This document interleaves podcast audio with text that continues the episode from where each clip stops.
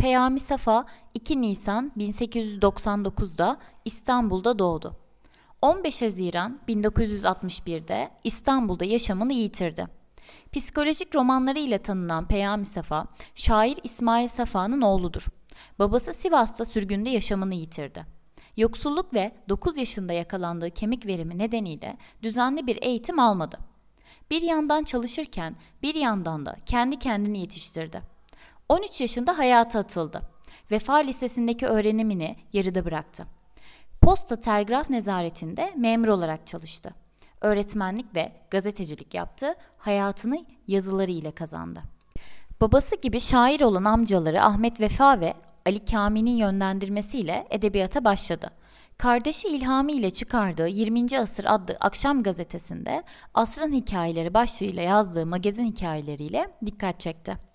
Para kaygısıyla yazdığı sıradan yazılarda annesi Server Bedia'nın adından esinlenerek yarattığı Server Bedi takma adını kullandı. Bu isimle kaleme aldığı Cingöz Recai isimli polisiye dizi romanları büyük ilgi gördü. Kültür Haftası ve Türk Düşüncesi adlarında iki dergi çıkardı. Tasviri Efkar, Cumhuriyet, Milliyet, Tercüman, Son Havadis gazetelerinde yazdı.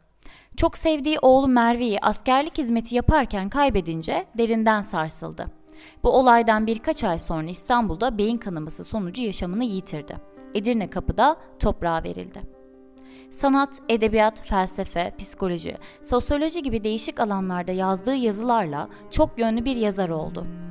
1930'da basılan ve bir genç hastanın psikolojisini yansıtan otobiyografik roman 9. Harciye Koğuşu'nun ilk baskısını Nazım Hikmet'e ithaf etmişti.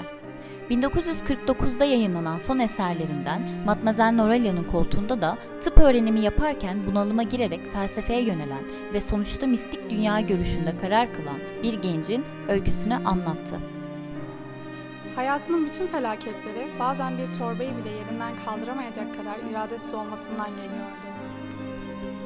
Zaman yürümüyor, dakikalar korkunç bir sıkıntı içinde uzuyorlar, hatta dağılıyor, birikmiyor, toplanmıyor ve bir çeyrek saat olamıyorlar.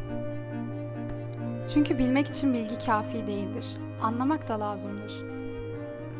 Beni anlayacağı gün gelip çattığı zaman korkarım ki iş işten geçmiş olacak.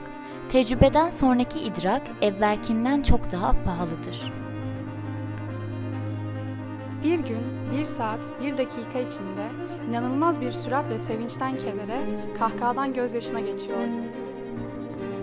Öyle bir yaştaydım ve öyle bir mizaçtaydım ve çocukluğumda o kadar az oyun oynamıştım ve aldatmasını o kadar az öğrenmiştim ki yalan bana suçların en ağırı gibi geliyordu.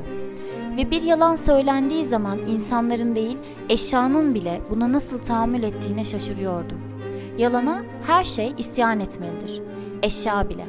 Damlardan kiremitler uçmalıdır. Ağaçlar köklerinden sökülüp havada bir saniye içinde toz duman olmalıdır. Camlar kırılmalıdır. Hatta yıldızlar düşüp gökyüzünde bin parçaya ayrılmalıdır. 9. Hariciye Koğuşu 15 yaşında olan genç 7 yaşından beri dizlerinin ağrı çekmektedir. Ancak dizlerini ağrı yapan hastalık bir türlü teşhis edilemez. Bütün hayatı hastane kapılarından geçen gence en sonunda teşhis koyulur. Doktor Mithat gencin kemik verimi hastalığına yakalandığını tespit eder. Doktor Mithat hastalık ilerlerse gencin bir bacağını kaybedeceğini söyler. Kemik veriminin ilerlememesi için rahat ve sakin bir hayat yaşaması, sağlıklı beslenmesi gerekir. Yoksul bir mahallede yaşayan genç annesine bu durumu söyleyemez ancak hastalığının ilerlemesinden korktuğu için hastalığını anlatır.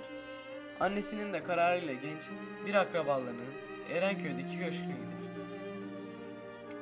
Burada rahat ve sakin bir hayat yaşamaya çalışan genç çocukluğundan beri tanıdığı Nusret'le aşk yaşamaya başlarlar.